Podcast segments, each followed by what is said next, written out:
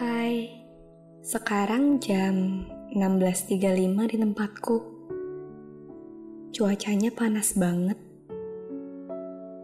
Sampai-sampai aku kebangun pas lagi tidur siang saking panasnya. Mungkin karena sudah mau puasa ya. Oh ya kalian apa kabar? Semoga baik-baik aja ya. Tapi gak apa-apa sih kalau kalian mau jawab lagi gak baik-baik aja. Karena ya, it's okay to be not okay.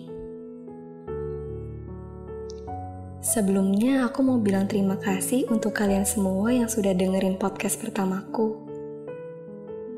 Semua dukungan kalian bikin aku semangat buat berkarya dan berbagi cerita.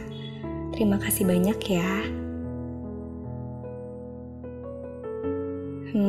Karena dari kalian ada yang request untuk membuat sesuatu yang inspiring dan motivasi. Jadi hari ini kita akan ngobrolin mengenai kita yang sedang di rumah aja.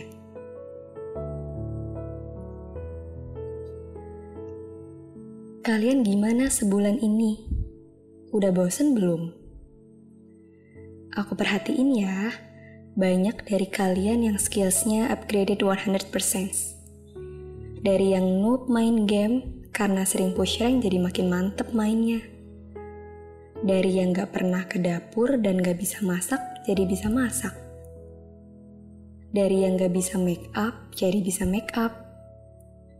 Terus ada juga dari kalian yang manfaatkan waktu ini dengan belajar. Ikut kurs online sana-sini terus dapat sertifikat deh. Pokoknya, apa pun yang kalian lakuin, yang penting kalian bahagia. Jangan force diri kalian terlalu berlebihan juga, karena sesuatu yang berlebihan itu nggak baik. Nanti, kalau kalian force diri kalian untuk beraktivitas yang menurut kalian berat, imun kalian bisa jadi lemah, terus sakit deh. Jangan sampai ya.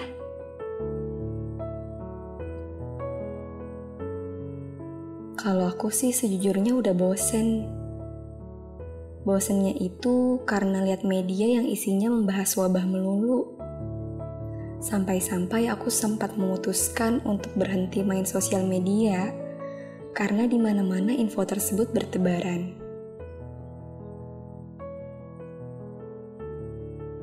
Hmm, aku bukan bosan sih.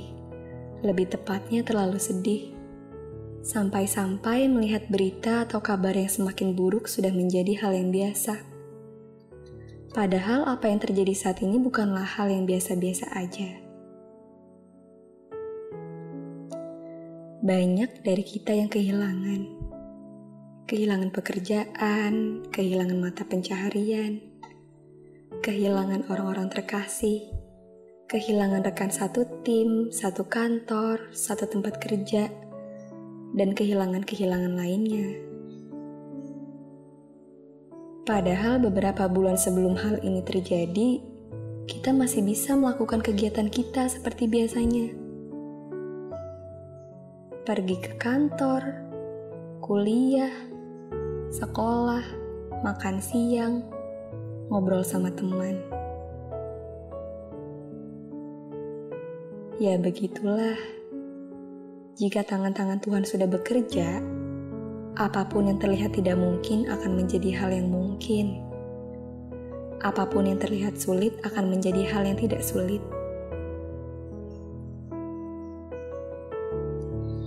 Tapi sejujurnya, akibat situasi ini aku menjadi semakin bersyukur sih. Karena bayangin deh, di saat kita sedang menikmati nyamannya kasur di rumah kita saat ini, di saat kita sedang mengerjakan tugas atau pekerjaan di rumah kita saat ini, masih banyak saudara-saudara kita, tetangga kita, tim medis, para pekerja di jalan-jalan di luar sana yang bahkan tidak tahu bagaimana berhenti. Karena bagi mereka setiap hari sama saja. Bagi mereka, memperoleh sesuap nasi lebih penting dibanding social distancing. Bagi mereka, menolong orang lain lebih penting daripada nyawa mereka sendiri. Jadi untuk kalian yang sedang di rumah aja, banyak-banyak bersyukur ya. Tuhan memberi kamu hari ini untuk dijalani, bukan untuk diratapi. Jadi jalani hari kamu sebaik mungkin ya. Jangan lupa bahagia.